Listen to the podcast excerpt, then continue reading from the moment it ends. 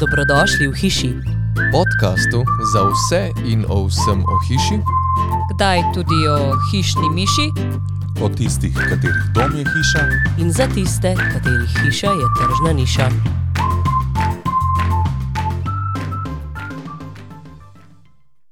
Vem, da ste raziskovali, mislim, da tudi vpliv lesa ali pa mogoče tudi še kjerga drugega materijala na zbranost, na koncentracijo, na, um, mislim, da je bilo mišljen takrat um, na koncentracijo recimo pri reševanju testov v učilnicah.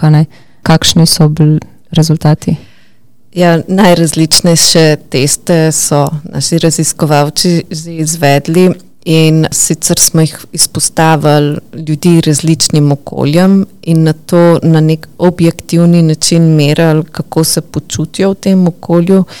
Zdaj pač vsakdo, ki je prišel, bi bil lahko iz, eden bi prišel z teka, drugi bi prišel iz službe in na to smo jih mogli nekako spraviti na nek en, enak imenovalec. Tako da, kako to naredimo, je, da vzbudimo v njih stres. In sicer z gledanjem grozljivke, ker si lahko tudi pač, uh, predstavljate, da so ti testi precej zahtevni, ne, ker je potrebno pogledati, kdo je lahko tisti, ki prenese potem lahko ta stres, ne pa če ima kdo kakšne težave, da ne bi imel potem pred, predvsem negativnega vpliva na zdravje človeka. Na to pa smo merili raven kortisola v slini. In sicer gre dejstvo, no, je, da človek po naravi laže. In vedno, če imamo neke vprašalnike in jih sprašujemo, ne, kako se počutijo, vsak bo odgovoril tako, kot misli, da je prav.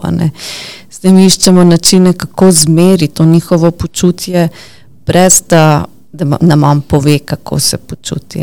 To je recimo ta raven kortisola je eno, potem so srčni utripi, tudi analiza krvi ja, se izvaja.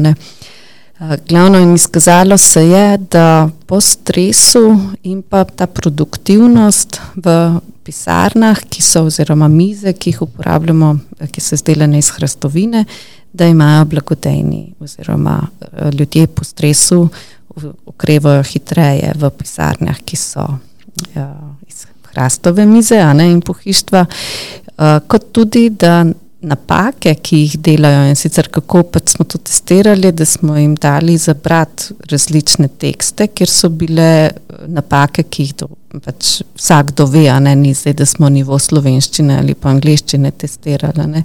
In koliko teh napak so v bistvu v različnih časovnih intervalih po tistem, ko so bili pod stresom, oziroma ko smo vzbudili stres pri njih, koliko so jih našli.